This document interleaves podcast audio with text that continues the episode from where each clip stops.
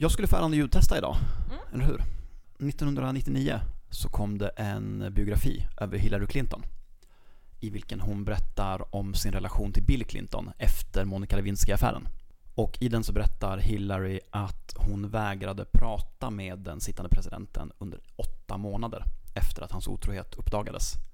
Sen ringde hon honom. Vet ni vad telefonsamtalet gällde? Nej.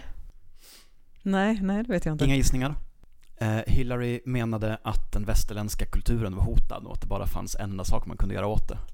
Vadå? Bomba Serbien. Nej. Bill gjorde det inom 24 timmar. Och efter det var de sams igen. Things you do for love. Oh. Kärlek och politik hörni. Bra ingång, det måste Bra man ändå ingång. säga.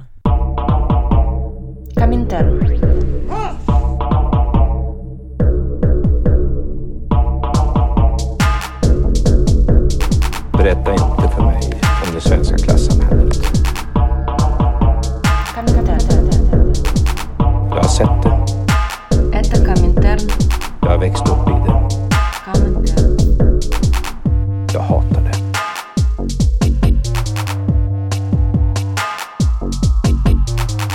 Это Коминтерн.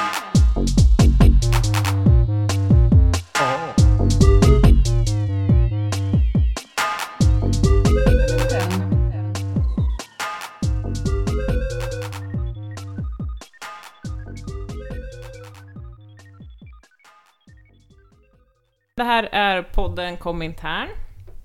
Idag är det jag, Malin, och Andreas. Och en gäst som heter Hanna. Hej! Hej Hanna, välkommen! Tack så mycket. Alltså jag har varit så nervös hela dagen och för att jag känt mig då så ärad att äntligen få vara med. Mm. Ah, smicker. Ja, ja, ja, det inledde vi med. Och ja, men precis nervös för alla lyssnare, speciellt de med jägarlicens. Tänk om de inte tycker om mig. Eh, jag har blivit inbjuden specifikt för att hjälpa Malin att hålla röd tråd idag. Exakt. Men varför är Hanna här? Eh, Hanna är här specifikt för att Hanna är lite av en expert på det här ämnet. Varför? För du har läst mycket om det. Har vi sagt vad ämnet är? Nej. Vill du berätta? Jo, men ämnet för idag är då kärlek, mm. förstås. Ehm, men, eh, men det är ett otroligt stort ämne så vi får se var vi hamnar till mm. slut. Då är det bra att Andreas är här. det var sagt att vi skulle börja i det postrevolutionära Sovjet, eller hur? Mm. Jajamän, var, var annars tänkte jag. Nej men det är så här att jag har hållit eh, lite studiecirklar på temat kärlek och en av de texterna som vi, som vi ibland läser ihop Eh, är en text av Alexandra Kollontaj eh, från 1923 som heter Bred väg för den bevingade Eros i översättningen. Eh, och så är det någon undertitel också som jag har glömt just nu. Men, men, men hon, hon, skriver helt enkelt i ja, men det postrevolutionära Sovjet. Och den bevingade Eros är då i motsättning till den vinglöse Eros så Eros är hennes bild för eh, om kärleken och den vinglösa Eros är väl typ så här eh, mer sex utan djupare emotionella band kanske. Men vad säger ni om att jag läser ett litet citat? Gärna. Vem skulle väl på allvar kunnat vara upptagen av kärlekens sorger och smärtor under dessa år då den bleka döden låg och lurade på en var, då den främsta frågan var Vem kommer att segra? Revolutionen, det vill säga framåtskridandet, eller kontrarevolutionen, det vill säga reaktionen. Inför det stora revolutionära upprorets fruktansvärda anlete tvingades den milde bevingade Eros, kärlekens gud, att skyggt vika undan från livets arena. Det fanns inte tillräckligt med tid och moralisk styrka till övers för kärlekens glädje och smärta. Sådan är lagen som bevarar mänsklighetens psykiska energi. Som helhet sett är denna energi alltid inriktad på det historiska ögonblickets viktigaste och mest brådskande mål.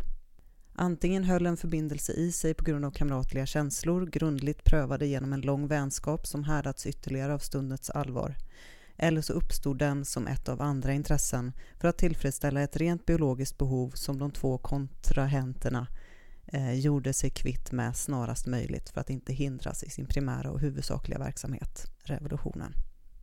Så hon menar helt enkelt att Eros blir vinglös när det hela bara handlar om sex.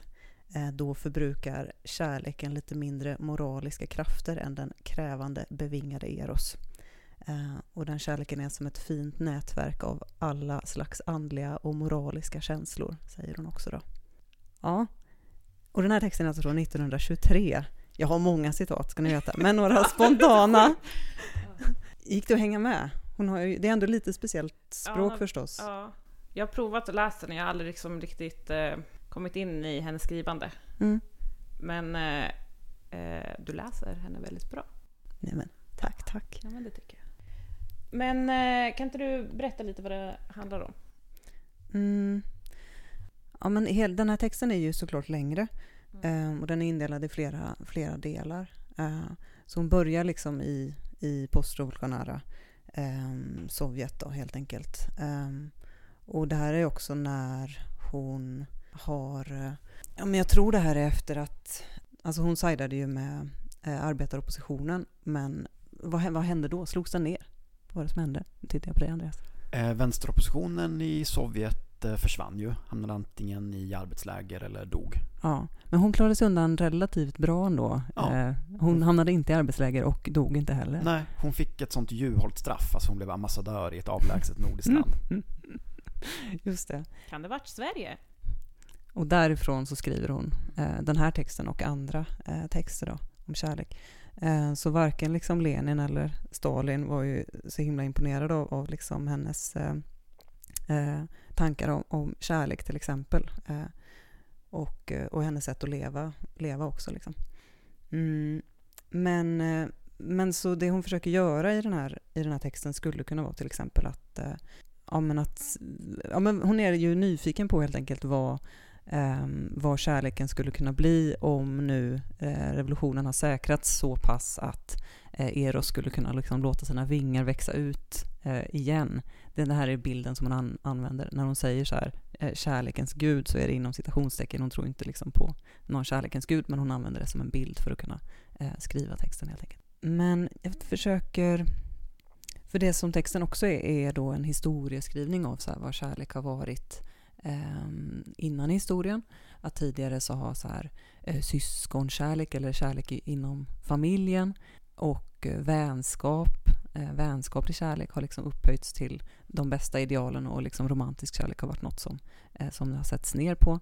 Medan det i och med liksom, borgerlig, bor, när borgerligheten börjar tjäna på eh, par, paret som kärlek Mm. så är det då som, eh, som den romantiska kärleken, lite mer som vi känner den idag, eh, uppstår på något sätt. Och det här menar hon har också materiell, materiell grund. Ja, så inte bara till exempel familjeformen är beroende av produktionsförhållandena utan även idén om vad kärlek är. Ja men exakt, det tror jag att hon skulle hålla med om.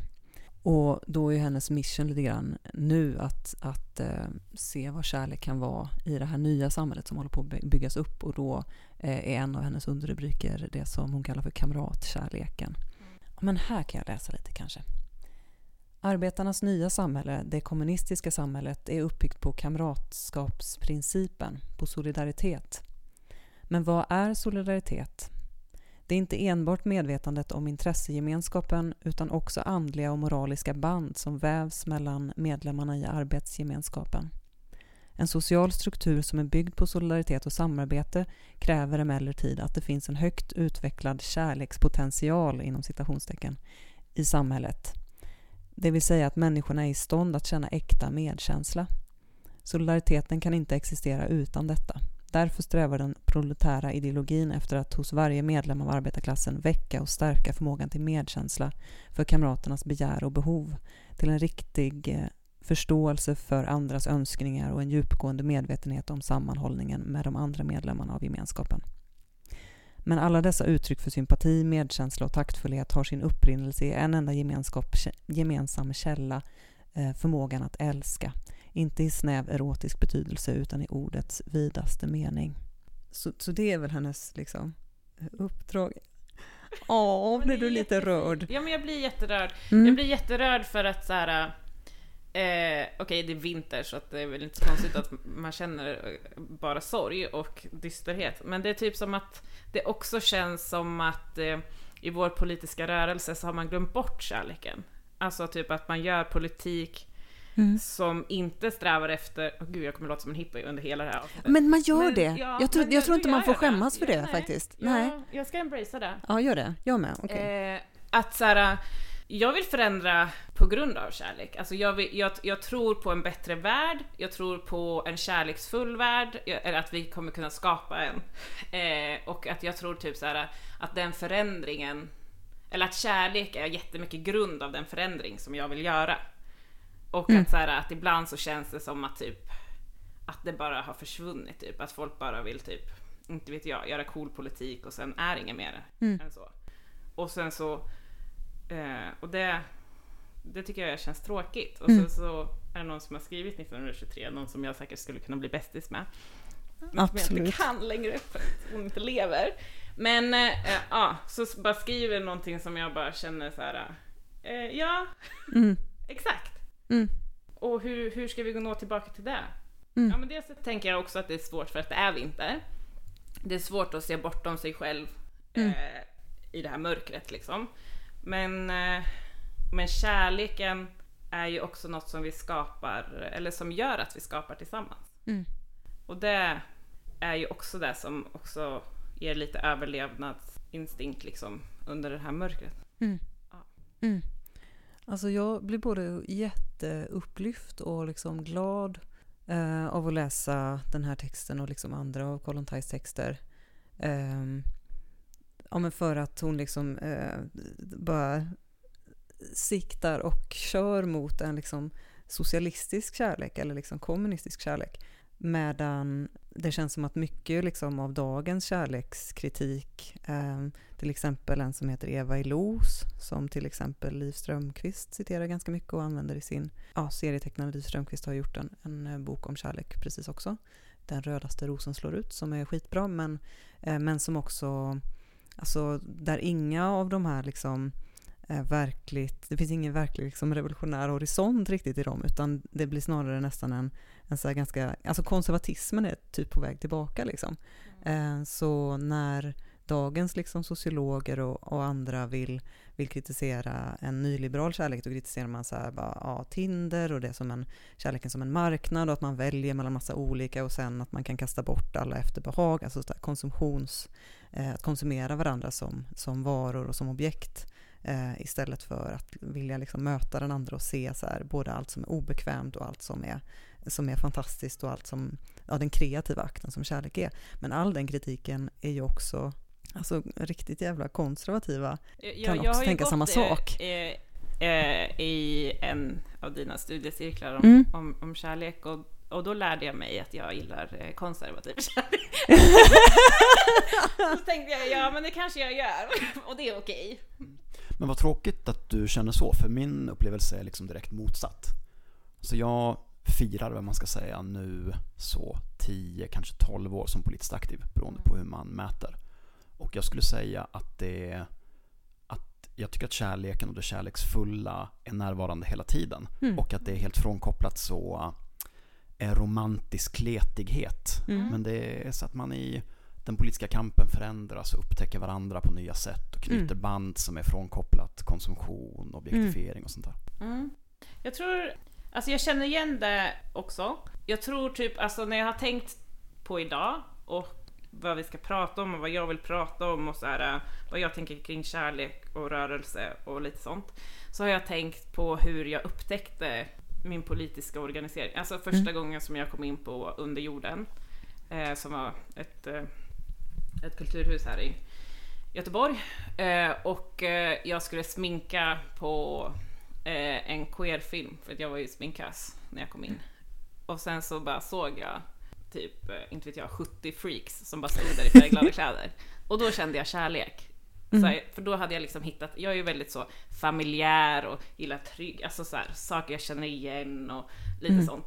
Och då kände jag så här, jag bara, men här är ju det här som jag har letat efter hela tiden. Alltså från typ, inte vet jag, från när internet kom, ja så gammal är jag.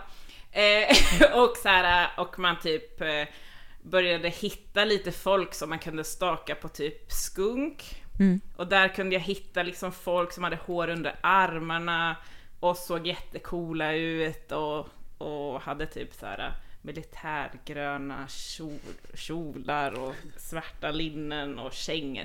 Ja men så här, de såg exakt ut som, som, som jag ville se ut, men jag var så liten och hade inga sådana kompisar så jag kunde inte se ut så. Och sen så liksom så var det hela det här äh, som var kön och att jag inte kände igen mig i så här olika så här könsstereotyper. Bla bla bla bla bla och sen helt plötsligt så står jag där i ett, i ett rum full av Ja. queers. Och sen så var de i min ålder och de var typ så här jättecoola och färgglada och dansade och sjöng. Så tänkte jag wow. Ja, Och sen så började jag organisera mig med de här människorna Mm. och vi hade ett bokcafé och vi gjorde så här skitmycket. Eh, och sen så blev, som hände det massa olika saker och sen så var det inte kvar på samma sätt längre och sen så blev vi vuxna och sen började jag röra mig mer åt så här kommunismen och så här, lite sådana grejer. Så att jag tror typ så att jag, jag hittade också en hopplöshet Mm. som jag, som inte var kärleksfull. Mm. Eh, och som jag också så här, jag lämnade lite av det livet bakom mig. Men skulle du säga att du har en hjärtesorg över den Gud, upplevelsen? Jag är bara heartbroken. Ja, alltså, du är inte den första som, som känner en sån, den typen av känsla inför något sånt, tänker jag. Ja, det är kanske är jag som inte kan se kärleken. Men, eh, men, jag, ja, men jag tänker det är vanligt. Eller jag Ja. tänker att jag också har det lite så. Liksom. Eh, att när, när liksom, eh, eh, mötesplatser måste flytta eller Mm. när grupper liksom, eh, splittras eller man... Ja, men att det finns mycket... Eh, också så här att behöva flytta från sitt bostadsområde eller, eller vad som Mm. helst. Att det finns väldigt mycket så här, eh, kärlek och band som vi knyter till varandra och till platser som, som sen liksom splittras eh, och som inte heller erkänns som, som kärlek och gemenskap, Nej. som man inte liksom riktigt får sörja, eller det finns inte riktigt plats för att sörja det. Mm. Så jag menar, alltså kapitalismen bryter upp så jävla många band hela, hela tiden. Mm. Eh, såklart inte bara här. Så där finns ju, alltså vill man ha liksom en, en eh, politisk aspekt av, av kärleken så skulle det ju kunna vara liksom band till platser, till människor, till gemenskaper och att kapitalet faktiskt tvingar jävligt många av oss att flytta på oss fast vi inte vill det och liksom göra slut med, eller de gör slut åt oss, typ som på lågstadiet när man var ihop med alla och läraren bara nej nu, nu får inte ni vara ihop med varandra längre. Nej. Men, men Andreas, kan du inte eh, berätta mer? Eh, Okej, men dels så tänker jag att det här hänger tätt ihop med en annan studiecirkel som har gått här i Göteborg tidigare eh, och som handlade om kommersiell sexuell exploatering eller prostitution beroende på vilken term man föredrar. Eh, där cirkeln nu kunde konstatera att så i kapitalismen så förvandlas Mm. alla, eller förvandlas, vi tenderar att se på mellanmänskliga relationer som varutransaktioner Mm. och jakten på kärlek tenderar att ta formen av handel snarare än ett så socialt utforskande av andra människor. Mm. Eh, vilket ju är sorgligt. Eh, Mm. Och jag tänker att det är då lätt att tappa greppet om vad kärlek är. Mm. Men så återvänder jag ofta till eh, ett stycke ur inledningen till Kämpa Tillsammans antologi Vi vill ha allting. Eh, Nu hoppar jag lite rätt in i den texten men jag tycker att det är väldigt vackert. Eh, Likt Marx tar Bodiga fasta på det omänskliga i kapitalismen. Och för dem är kommunismen inte bara proletariatets rörelse utan även den mänskliga rörelsen. Därför hävdar vi kommunismens passion. Det kanske mest frigörande och befriande med klasskampen är de nya sociala relationer som uppstår, till exempel i vänskap, i kärlek och i sexualitet. För under klasskampen, som har kommunismen som sin dynamik, föds helt nya människor. Ja, men och det här med helt nya människor är också något att, att ta fasta på. Liksom. För jag tänker att det är också därför som Alexandra Kollontaj är så jävla liksom, glad och liksom medsvepande här 1923. Eh, för att, eh, för att eh, om man som hon tror, som jag också tror, att liksom, kärlekens materiella, eller den materiella grunden spelar så jävla stor roll för vad vi tror att kärlek är, vad kärlek kan vara eh, och hur, men hur, hur liksom generösa och hur mycket empati man kan ha för andra människor i sin närhet och långt borta. Eh, ja, men då är ju ändå, men trots liksom att allt kanske inte går som Alexandra Kollontaj vill eh, i det nya Sovjet, liksom, så är ändå eh, det här deras chans att äntligen få skapa de materiella förutsättningarna för, för medmänsklighet, för solidaritet, för kärlek. Och det är ju någonting som vi kan göra i liten skala i alla våra rörelser. Eh, men som vi på det stora taget, liksom samhället, måste nog vara jätteförlåtande mot både varandra och oss själva. Att så här, eftersom vi inte kontrollerar de materiella förutsättningarna i världen nu, långt, långt ifrån, eh, så kommer inte kärleken och kärleksrelationen bli som vi vill och vi kommer att skada varandra och såra varandra i den processen. Ja, och därför blir jag också, därför blir jag också ledsen av, av att läsa eh, den här texten. Liksom. Mm. För att vi inte har den utsikten som, som hon hade. Liksom. Vad tror ni kärlek är? Eh, Jag vet inte, men jag tycker att Engels levererar en sick burn i slutet på familjens, privategendomens och statens ursprung. Mm. Men eh, Jada Jada, han konstaterar att eh, vi idag mycket riktigt kan ägna oss åt att gissa vad de nya människorna i det postrevolutionära Mm. samhället kommer att kalla för kärlek och sexualitet. Men när dessa människor en gång finns så kommer de att ge tusan i vad man idag tror att de ska göra. De kommer utbilda sin egen praxis och sin därefter avpassade offentliga mening om varje enskild praxis. Eh, Då angående kärlek och älskande. Precis, jag tror Engels eh, tänkte att, att eh, ja, men tvåsamheten kommer nog ändå bestå om jag får gissa att han sa något sånt. Och det har han ju också gjort länge. Men redan Alexandra Kollontaj var ju inte jättemycket för tvåsamhet till exempel. Mm. Men ja, okej, men vad, vad, är, vad är kärlek? Tvåsamhet. Man och kvinna. Det är en extremt svår fråga. Eh, Men en annan kärleksteoretiker, Nina Björk, Mm. eh, beskriver kärleken som marknadens motkraft och kärleken som någon slags socialistisk impuls. Mm. Eh, Om jag tänker på mina erfarenheter från att arbeta en del i skola Mm. så har det också alltid varit en så glädjande punkt som jag återkommer till. Därför att man träffar mycket barn som har vårdnadshavare som är kräk, som är rasister. Men det spelar ingen roll, därför att deras barn blir ändå så förälskade i Mm. eh, andra generationen somaliska invandrare. Mm. Eh, Och jag förstår att eh, alla hippie-varningsklockor ringer lite grann när jag säger så här. Men det är en fin, eh, det är en fin tanke. Mm. Absolut, och sen så sabbas ju alla barn i alla fall av det här samhället, mer eller mindre. Men, men, men, men ja, det är hoppfullt fan. Vad tänker du att kärlek är? Men jag är så påverkad då av, av de här studie, eh, studiecirklarna och texterna vi läst och så. Men också av, eh, av att alla eh, svarar ganska olika. Eller att man kan svara väldigt olika. Eh, Och också att det finns så här, viktiga liksom, tankar om kärlek som är viktiga på olika sätt men som också står emot varandra väldigt hårt. Men till exempel så finns det ju jätte eh, sjukt viktiga feministiska tänkare, typ Anna Jonasdottir till exempel, som, eh, som pratar om kärlek som en, eh, ja, men inte som ett arbete, men som en, eh, som en förmåga som framförallt kvinnor har eller upp, eh, uppfostras till att ha eh, och som sen exploateras av, eh, av män eh, som liksom får eh, eh, extasen från kärleken men, inte, men som slipper ge omsorgen. Typ så tror jag att hon har liksom sagt det. Eh, och också eh, alla som pratar om så här, ja, men känslomässigt arbete eller reproduktivt arbete, att eh, kärlek är, är helt enkelt så här, omsorgsarbetet till exempel. Och då är också kärlek något som man kan lära sig. Eh, liksom det är ju, om, det, om kärlek är vad man gör och inte någonting som, det är inte en känsla utan det är någonting som man gör, eh, då är det något som man kan öva upp, det är någonting som man kan så här, kämpa vidare med. Bell Hooks är också en feministisk eh, eh författare som, som eh, eh, understryker det väldigt hårt. Eh, och Bell Hooks menar också så här att ja, men kärlek och hat kan bara inte gå ihop utan, eh, utan kärlek måste vara det vi håller fast vid, det som är gott, det som är så här. Eh, så om någon eh, snubbe säger att han älskar dig men, men misshandlar dig psykiskt eller misshandlar dig fysiskt typ, eh, så är inte det kärlek så här, eh, alls.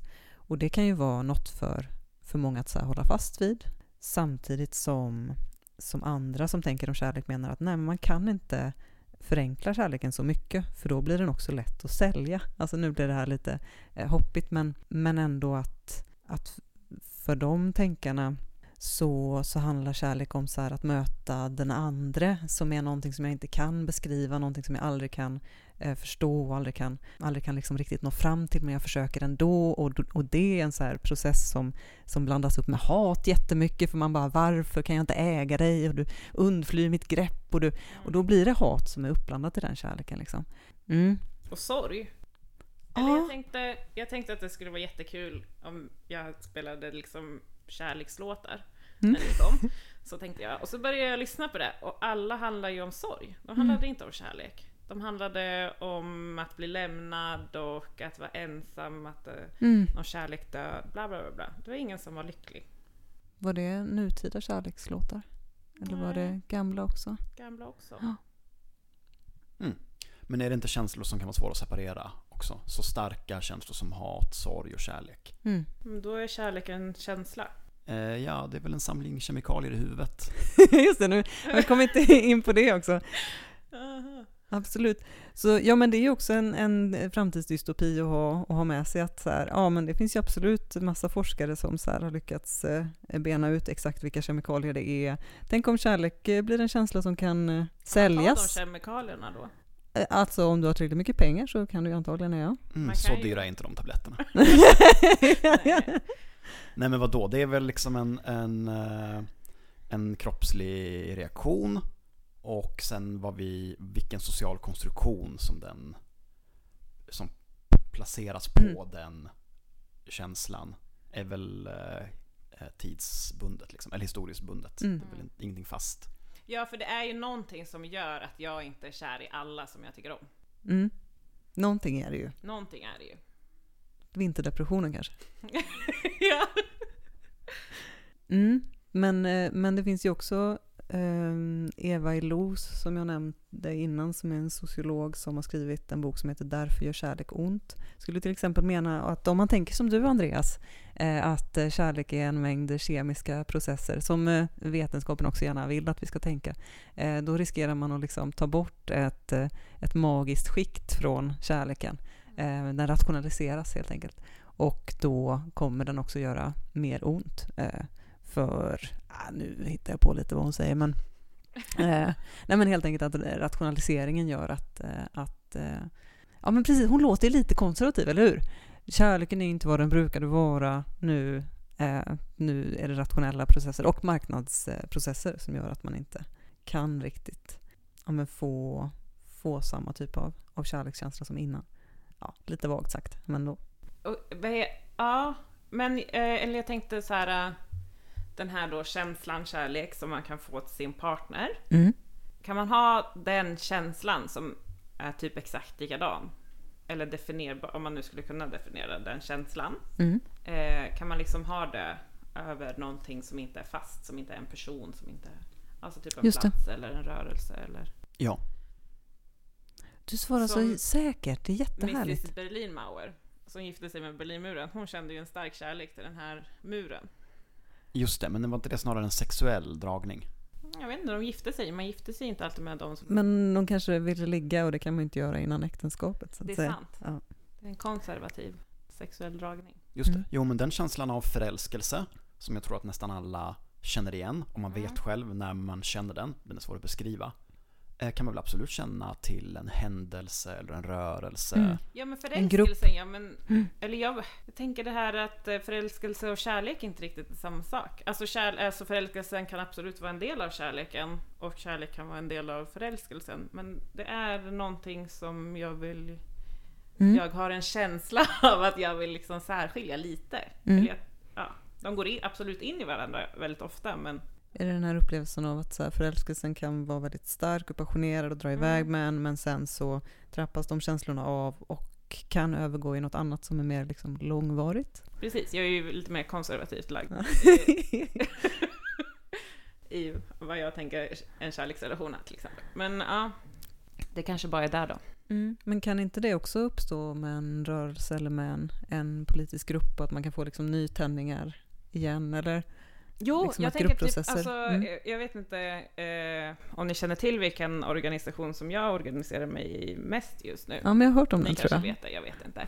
Men där har ju jag en, eh, ska, men jag känner, jag känner kärleken, eller så här, jag var jättenyförälskad. Mm. Nu har jag kanske organiserat dig där kanske två år eller något. Eh, och så kände jag hela den här kärlek, nyförälskelsen och bla bla bla, bla. Och så nu känner jag typ en, eh, inte en dipp, men en stabilitet. Och Mm. det är, det är ju dit jag vill hamna. Mm. Eller dit jag vill komma någon gång. Liksom, så här att, och det är också kärlek. Så Harton Negri i Imperiet skriver om viljan att vara emot, som är en slags naturligt auktoritetsförakt som alla människor har, intuitivt.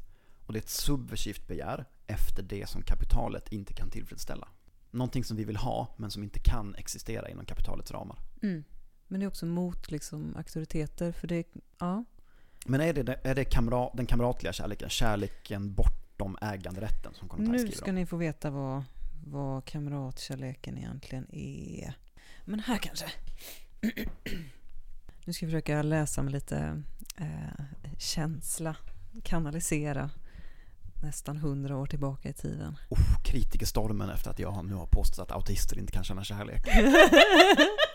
Den borgerliga ideologin har fyllt människornas tankar med föreställningen att kärleken, inklusive den inbördes kärleken, eh, ger rättigheten till att äga den älskades hjärta helt och odelat. Detta ideal, denna exklusivitet inom kärleken, var en naturlig följd av den etablerade formen för äktenskaplig enhet och av det borgerliga idealet om en total och speciell, inom citationstecken, kärlek mellan äkta makar. Men kan ett sådant ideal svara mot arbetarklassens intresse? Är det inte ur den proletära ideologins synpunkt tvärtom viktigt och önskvärt att människornas känsloliv blir rikare och mer varierat? Att själen har fler strängar och anden fler aspekter? Är inte just detta det som kan sätta igång tillväxten av det komplicerade och sammanvävda nätverket av andliga och moraliska band som ska befästa arbetarnas samhälleliga gemenskap?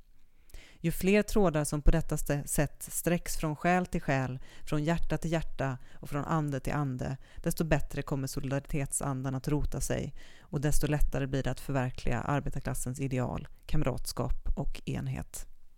Ja, så hon skriver liksom detta mm, också efter att hon pratat om, eh, lite om polygami. Vill ni höra om det? ja, det vill vi.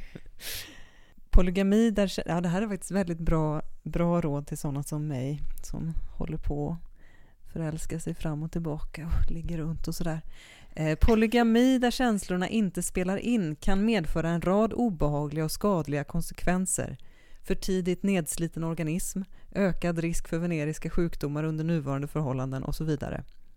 Men sådana skapar inte inom situationstecken psykologiska dramer, hur invecklade de än må vara. Dramerna och konflikterna uppstår när olika nyanser, olika manifestationer av kärlek samtidigt ligger för handen. En kvinna älskar en man ur djupet av sin själ. Deras tankar, deras längtan, deras viljor står i harmoni. Men genom den fysiska attraktionens makt dras kvinnan oemotståndligt till en annan. En man känner ömhet, medkänsla och omsorg för en kvinna samtidigt som han hos en annan finner förståelse och stöd för de bästa sidorna hos sig själv. Till vilken ska han ge hela sin eros? Och varför ska han pinas och plåga sin själ bara för att han endast kan förverkliga hela sitt ja om han får behålla bägge relationerna? För tidigt nedsliten organism. För tidigt nedsliten organism.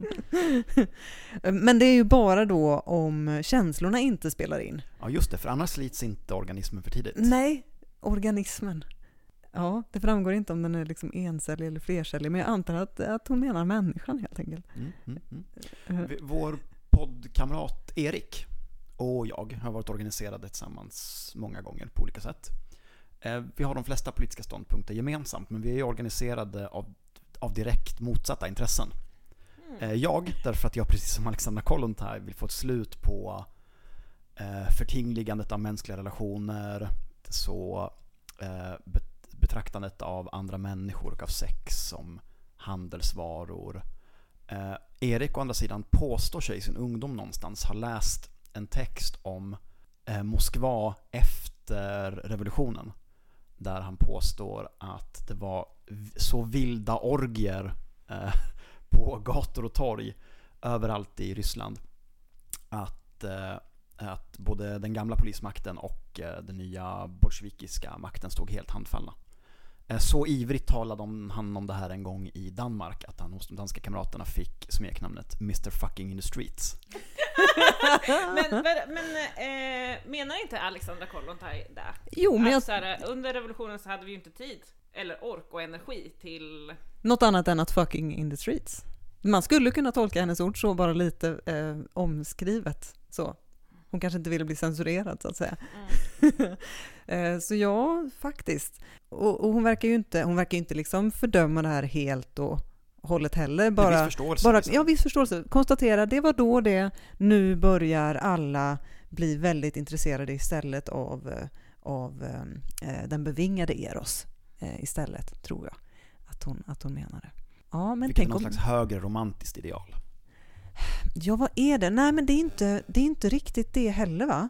För alltså man får ju också se att det här är liksom skrivet i en tid då, det var, då liksom konservatismen var extremt rådande, eh, förstås. Så man läser till exempel att eh, hon skriver att Istället för maskulin inbilskhet och kvinnans skrämmande självutplåning kommer vi att få se kärleken utveckla andra ovärderliga drag. Vi kommer att få se respekten för den andra personen stärkas, liksom strävan efter att ta hänsyn till den andres rättigheter. En inbördes själslig förmåga till inlevelse kommer att mogna och en vilja att uttrycka kärleken inte bara genom kyssar och ömhetsbetygelser utan även i gemensam handling, enhetlig vilja, gemensamt arbete. Åh, det här var ju fint. Den proletära ideologins uppgift är inte att jaga bort Eros från de samhälleliga sammanhangen utan att fylla hans kåger med pilar av ett nytt märke.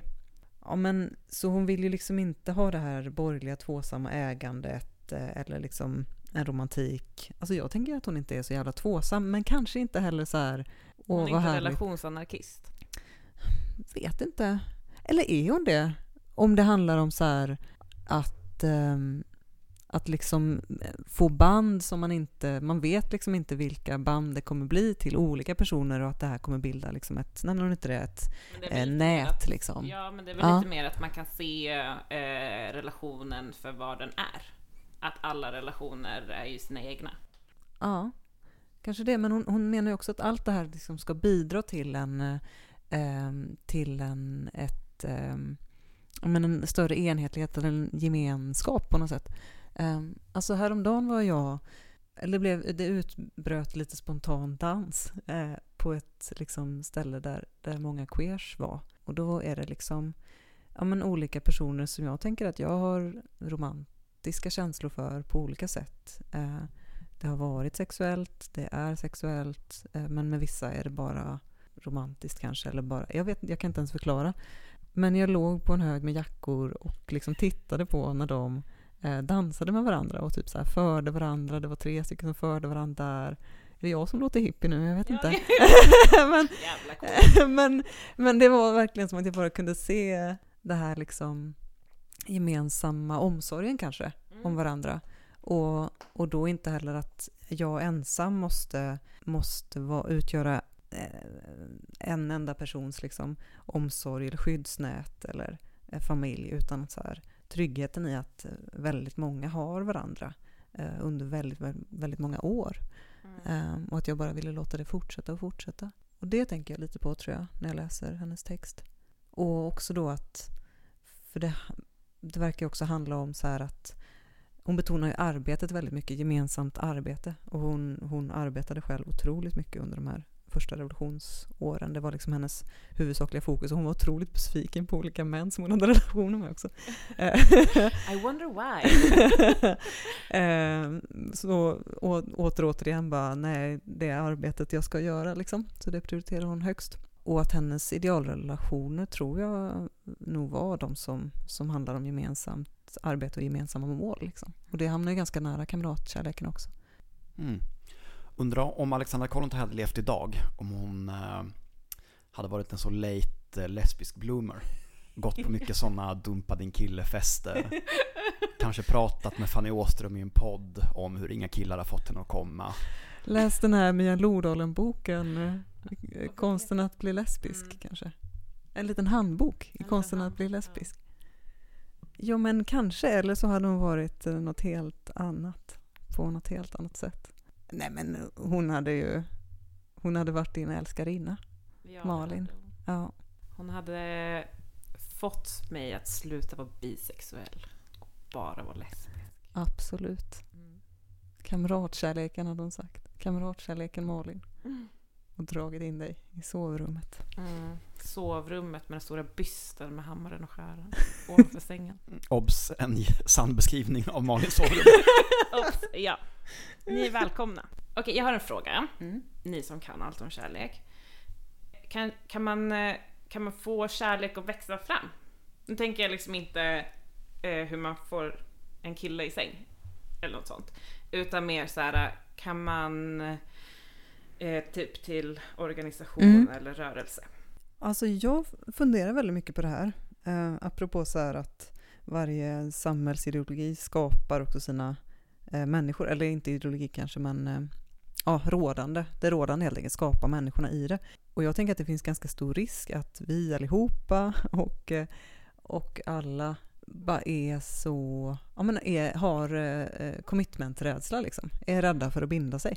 Eh, till exempel till en organisation, att det känns så här, att man är så van vid att vara sin egen, sin egen individ, eh, kunna välja alla sina, eh, men göra alla val som ska utgöra ens identitet och att då att uppgå i någonting, att uppgå i en grupp, en organisation eh, som beslutar saker tillsammans och som följer en, eh, stakar ut en gemensam linje.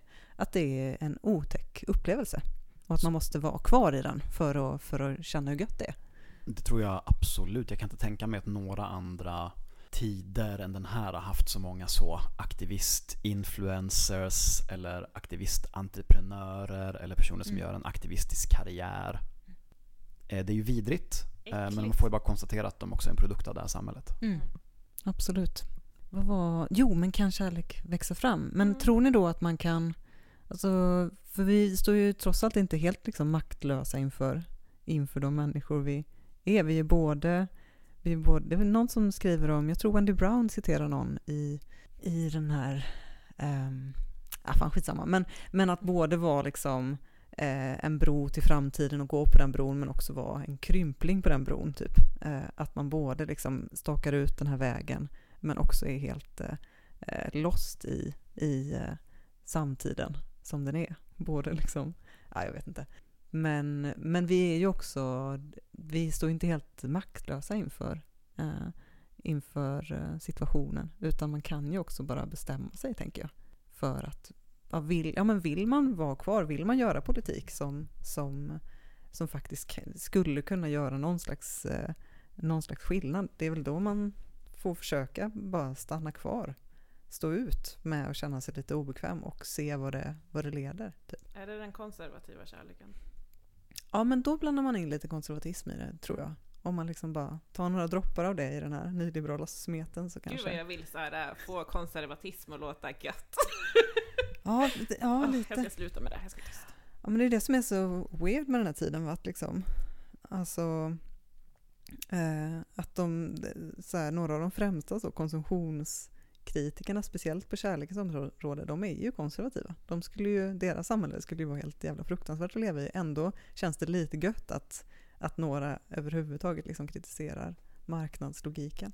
Eh, Hanna, ja. du studerar kärleken. eh, ja, nej men jag var lite dålig på den tänkte jag, kände jag. Ja, Eh, Så att det, var liksom, det var en process. Berätta snälla. Eh, oj då. Ja. Nej men en, eh, en före detta partner sa till mig att eh, du behandlar människor som förbrukningsvaror. Och då kände du, jag måste hitta belägg för att jag inte gör det. Det här var ganska länge sedan får jag säga. Men, men, eh, men eh, eh, Vilket nog inte är ovanligt. Nej, jag Så tror faktiskt inte det är det. av ditt ex. ja, ja. Eh, jo men jag är tacksam för den, eh, den kommentaren. Eh, ja, det var just när jag flyttade ut så att säga. Eh, men, eh, men sen så, så hörde jag Alice Teodorescus vinterprat, apropå konservativa som pratar om kärlek. Och då, då säger hon att, eh, att eh, vi, ja, men vi behandlar helt enkelt människor som förbrukningsvaror eller ser på varandra. Och också, eh, ja, också så här, säger sådana saker som kanske jag kan inte tänka mig något bättre än att stå på, eh, fira mitt guldbröllop med den jag älskar och så har vi alla barn och barnbarn runt omkring och så vidare. Och så vidare. Ja, skitsamma. Ja, men sen, började, sen gick jag till biblioteket bara.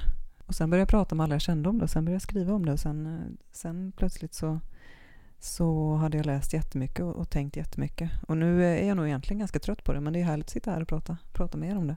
Men jag tror också man kan lära sig. Eller snarare, det kanske handlar om så här uppmärksamhet eller vad man väljer att fokusera på. Om man liksom är jävligt inkörd på, på ja, men så stressad över att hitta liksom trygga sam- trygghet i en annan människa eller en bekräftelse från en annan människa, då, då blir man nog ganska, ganska dålig på att älska ibland tror jag. Och om, om man vill kicka så kanske det finns bättre saker att kicka på än, än förälskelse och andra, andra människor. Och där tror jag också att ja, men det är bättre att kicka på politiska projekt till exempel. Och det kanske är så här, ehm, eller jag tror ju verkligen att, att eh, gemenskap i politiska grupper, eller alltså grupper överhuvudtaget, men, men politiska grupper kan också ge en det sociala sammanhang man behöver för att inte Ja men helt enkelt för att inte ens partner eller ens eh, dejt ska bli liksom det man lägger allt sitt hopp vid och all, all sin liksom, bara snälla bekräfta mig som människa, eh, svara på mina sms snälla och så vidare. Jag tror att det i dagsläget är liksom väldigt hälsosamt i brist på bättre ord att, att, eh, att vara organiserad och, och att älska, både i organiseringen och, och utanför. Liksom.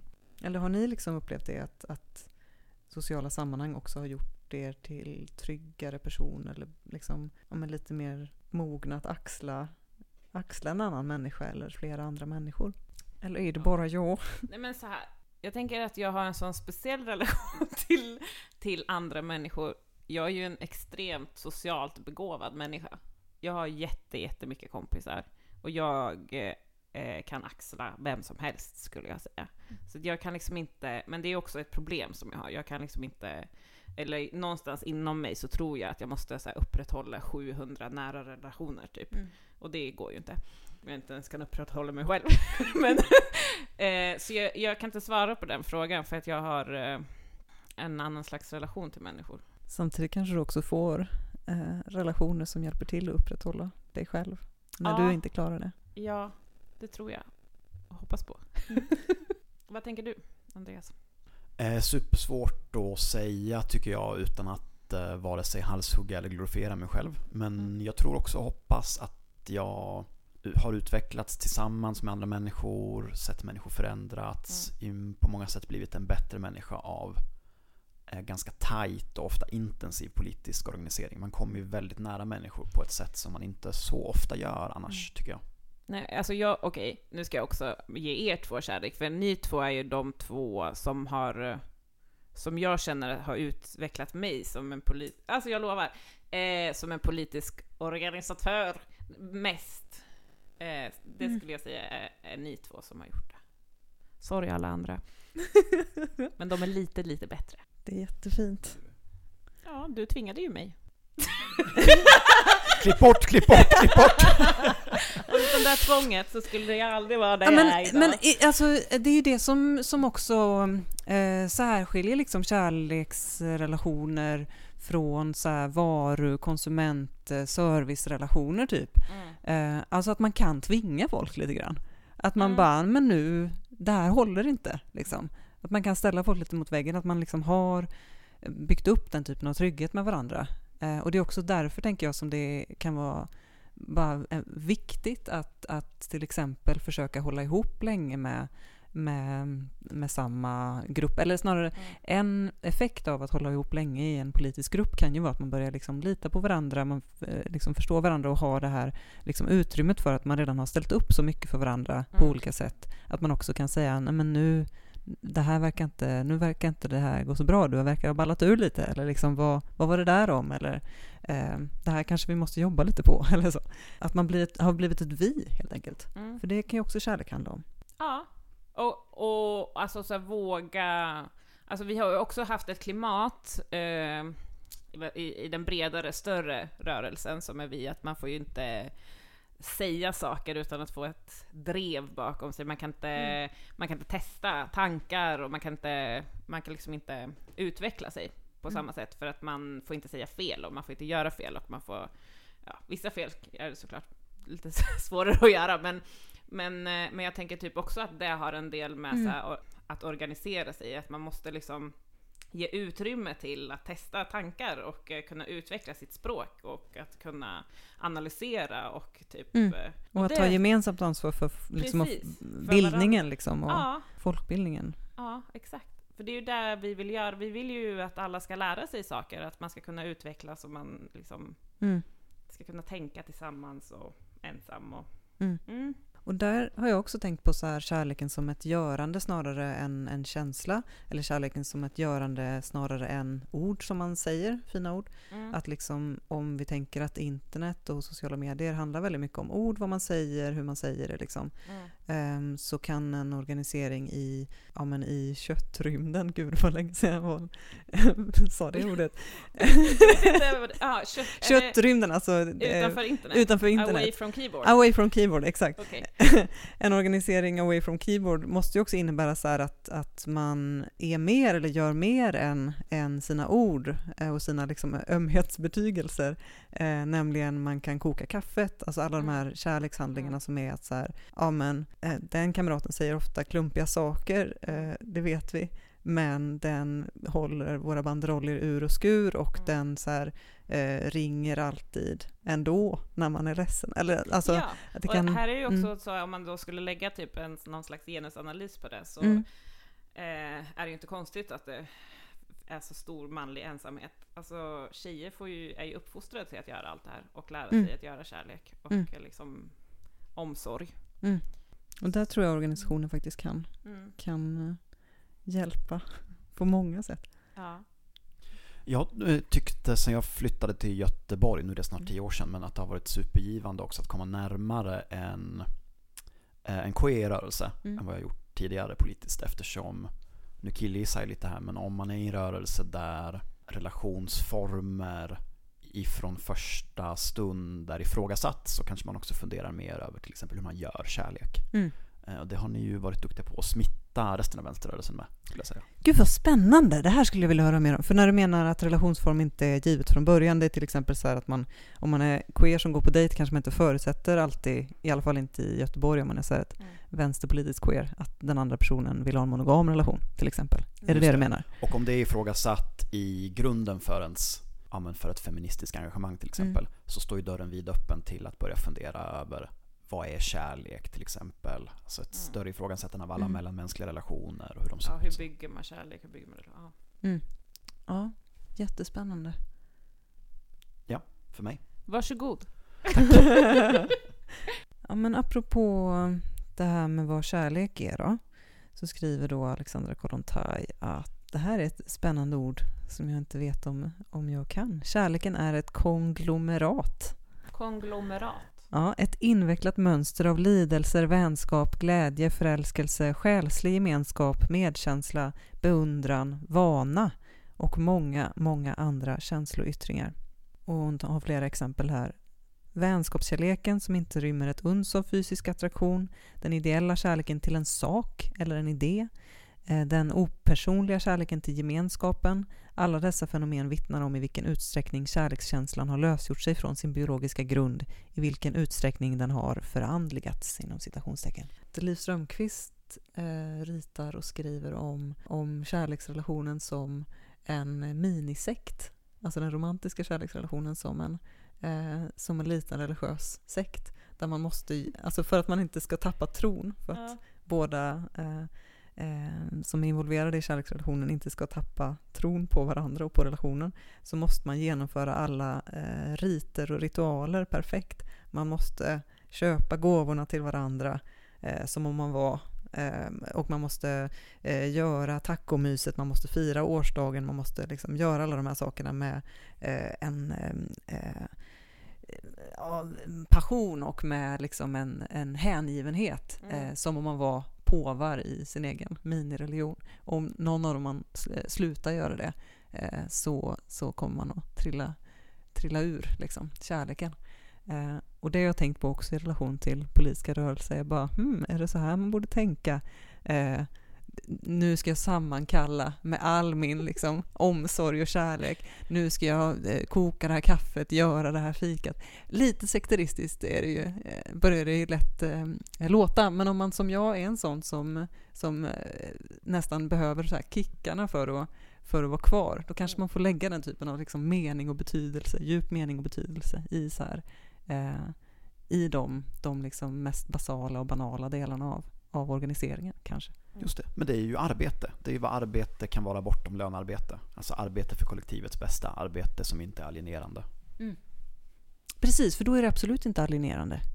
Då är det liksom, ja, men meningsfullt. Bär djup mening. Och det är ju det. Alltså om man tittar på så här, vad, vad en rörelse behöver för, för att kunna växa, för att kunna liksom utföra det vi vill eh, och liksom ta sikte på framåt, då måste ju någon koka kaffet, göra bullarna, städa eh, möteslokalen.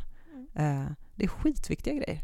Och även i ett, så här, om man har ett gemensamt hem tillsammans med en eller flera personer. Alltså det är ju det, är ju det som, som bygger förutsättningen för, för kärlek. Eh, så, så det kanske man absolut borde tänka på det som, som liksom nästan eh, andliga eh, saker. Andlighet är inget du kan om eller Andreas? Eh, nej, men det är ju eh, stort, fint och ibland eh, romantiskt att vara i rörelse. Jag tänker Mm. att det är det du sätter fingret på. Det var säkert skitfett att vara med i Hitlerjugend 41 också. Mm. Ja, absolut. För det är ju problemet när man pratar om kärlek i Mm. politiska rörelser, att vi vet ju att det inte bara är vi som känner de här typen av grejer. Men du kanske kan, eh, jag fick ju låna en bok av dig, eller glänta, den ligger där. Precis, Gl- tidskriften Glänta gjorde ett nummer om kärlek. Precis, och i, är det första texten eh, så är det en översatt text eh, som skriver om fascisternas språk om, eh, eller att de använder kärlek Mm. eh, i sitt språk. Ja, retoriskt liksom. Retoriskt. Eh, Precis. jag hann bara läsa första sidan. Eh, Mm. kommer du ihåg vad det står i den? den heter I kärlekens namn och, Eh, och hon skrev den i början av 2000-talet men sen så publicerade hon den igen dagen efter att Donald Trump valdes till USAs president. Ehm, och, eh, och det som hon börjar med, jag har inte heller läst hela ska jag erkänna, ehm, men det som hon börjar med är att, ehm, att ja, men vit, eh, vit maktgrupper i USA helt enkelt eh, när de målas ut som hatgrupper av olika liksom, vänsterinitiativ så tar de istället eh, ja, men de typ eh, tar, tar ordet kärlek istället för att beskriva sig själva. Eh, hon skriver så här då. Eh, kärlek beskrivs som det emotionella drivmedlet i dessa grupper. Det är kärlek som får gruppen att försvara nationen mot andra, vars existens också pekas ut som upphov till hatet. Eh, Som det står på en annan eh, webbplats. Nej, fan. Men också, eller Mm. så här, kärlek till nationen, eh, kärlek till rasen, kärlek till Mm. Ja. eh, där de vill skapa liksom. Precis, grupperna hävdar att de agerar i namn av kärlek för sina egna, för nationen som ett slags arv, vår familj, den vita rasen, snarare än på grundval av det hat de hyser för främlingar eller andra. Ja, och att det är ju så här, att kanalisera kärleken för liksom politiska ändamål, det tänker jag görs av väldigt många eh, grupper och att de också lyckas ganska, ganska bra oftast. Eh, Ja. eller? Jag vet inte. Men eller också den, eller så här, den retoriken är ju jättefascistisk och också, Mm, eller jag tänker på mm. typ hur SD är ett jättestort parti nu och typ eh, så här, hur det har smittat, runnit ut lite liksom. Mm. I, bland folk som inte är extremfascister men ändå Mm. Precis. inspirerade. Ja, men också för att liksom... Ja, men det där har liksom intresserat mig ganska mycket. Eller hur, alltså hur stor kan, kärleks, kan en kärleksgemenskap bli? Liksom, måste kärleken ha en utsida? Vad händer i så fall om man så här, om man, alltså vad, det här blir ju otroligt spekulativt och teoretiskt, men liksom vad skulle hända om så här arbetarvärlden över skulle liksom eh, förena sig och eh, så här, världsrevolutionen skulle bli verklighet. Och tänk om allt det där skulle lyckas, eller hur skulle man då, alltså går det, hur, går det att ha så här, kärlek mellan eh, alla människor på hela jorden? Eller förstår du? Det är helt eh, absurd hippietanke.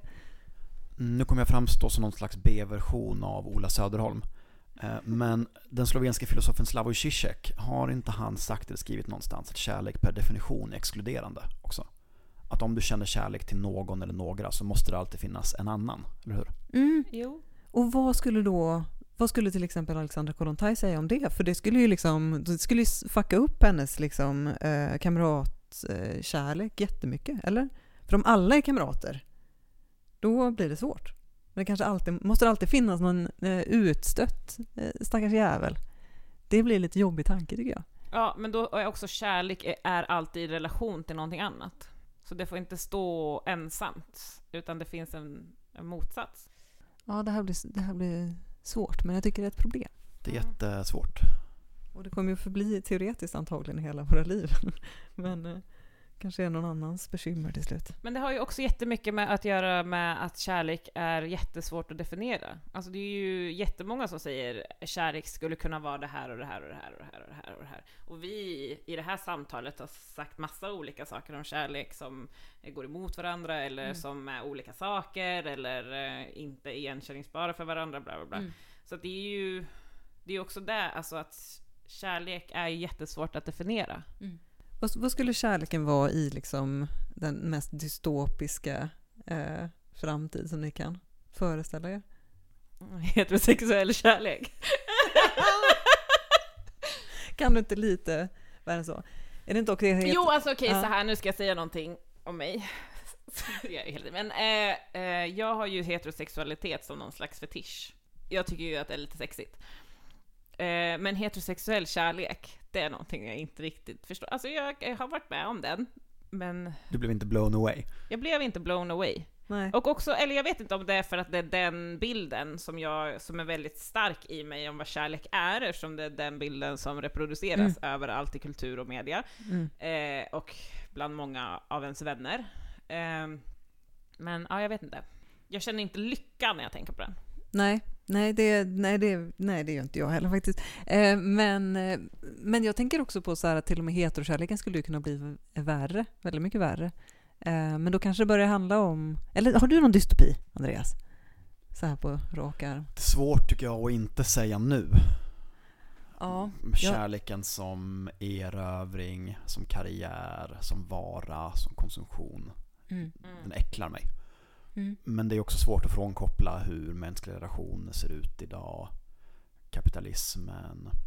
ehm, ja, jag vet inte. Mm. Okej, men jag har en, en dystopi till exempel och den ligger ju ganska nära i framtiden också. Den är typ Centerpartiets dröm tror jag. Eh, och det är ju att eh, äkta heterosexuella par då, eh, att det skulle komma någon sorts statlig subvention ännu mer på hushållsarbete, eller det här är det typ redan idag.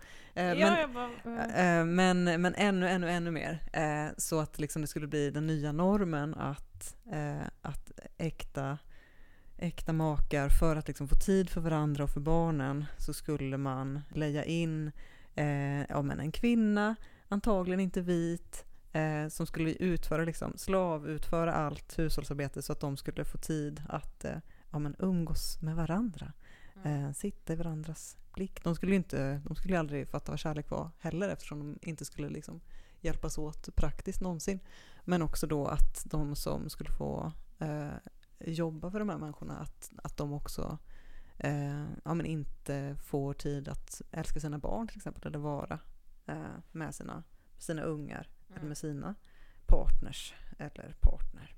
Just det, det är ju samtiden du beskriver. Fan, det är ju det! mm. Okej, men och Vi så... är där nu. Fan. Alltså Ja. Det är svårt att se hur eh, den typen av tjänster ska bli mer Ja, men- subventionerade. Det är ju, Ja, just det. Men ändå mer vi normaliserade då kanske. Ja. Mm. ja. Jo, men det tror jag nog ändå. Alla de här enkla jobben som, alla de här enkla jobben som, som Annie Lööf eh, pratar om till exempel. Ja, nej, det är faktiskt sant. Ja, okej, vi får ändå... Vi måste ju ha några nya appar eller något sånt där och kärleks... Kärleksappar, men det finns ju också redan. De är ju mer sexuellt laddade de där apparna. Ja, det är de ju såklart. Ja, men... Ja, nej. Nej, det är nu då. mm. Nu är dystopin och sen om ett år så kommer vi sitta här och bara nu har det blivit värre igen. Va, vi var, ja, det, blev, det är ju spretigt idag eftersom det är spretigt ämne. Men Mm. jag tycker det, vi har avgränsat åt ganska bra. Det har handlat ganska lite om sex till exempel. Vilket Mm. annars ligger nära till hands. Gör det verkligen det? Ja, men jag skulle säga Ja. Kärlek, lust och sex, att det är en slippery slope i alla fall. Ja, ja Jo, möjligtvis. Det skulle jag Ja. också säga. Då. Ibland så tänk, tror man ju att man är kär i dem man ligger med för att man känner den här känslan som är förälskelse typ. ja, men ibland så kan jag ändå bli ordentligt nyfiken på eh, på vad för slags kärlek och vad för, ja men överhuvudtaget vad för känslor och också vad för slags liksom eh, samhällsorganisation och struktur om man skulle så här, sätta kärleken i, i centrum, om man skulle kunna göra det Mm. eh, istället för kapitalet. Vad det skulle kunna bli. Jag kan bli så otro, som ett barn Mm. liksom, nyfiken på vad vi skulle kunna göra tillsammans. Eh, men tills dess får man väl liksom nöja sig med att, eh, att även om, om stora, stora delar av... Eller tills dess får man väl liksom nöja sig med att, att en, en stor del av, av alla som liksom, eh, ganska desperat söker, söker romantisk kärlek, att man ändå har hittat någonting i, eh, i varandra. I liksom queers, queersen som dansar, i mötena varannan vecka som, eh, som kanske blir, tyvärr blir mer och mer ovanligt, men som vi ändå har. Och det tror jag också att många längtar efter. Så Organisera dig. Det är härligt Mm. och kärleksfullt. Och det finns något hoppfullt i det, eller hur? Att det har gjorts, det kommer göras igen. mm. Eh, Vi kommer att förändra samhället i grunden och då inte bara materiellt utan med Mm. det så kommer också människorna i samhället att förändras Mm. och skapa någonting nytt som eventuellt inte ens går att föreställa sig idag. Mm. Och det kommer att vara kärleksfullt. Ja, det kommer det. Tack att jag fick vara med. Ja, men tack för att du kom!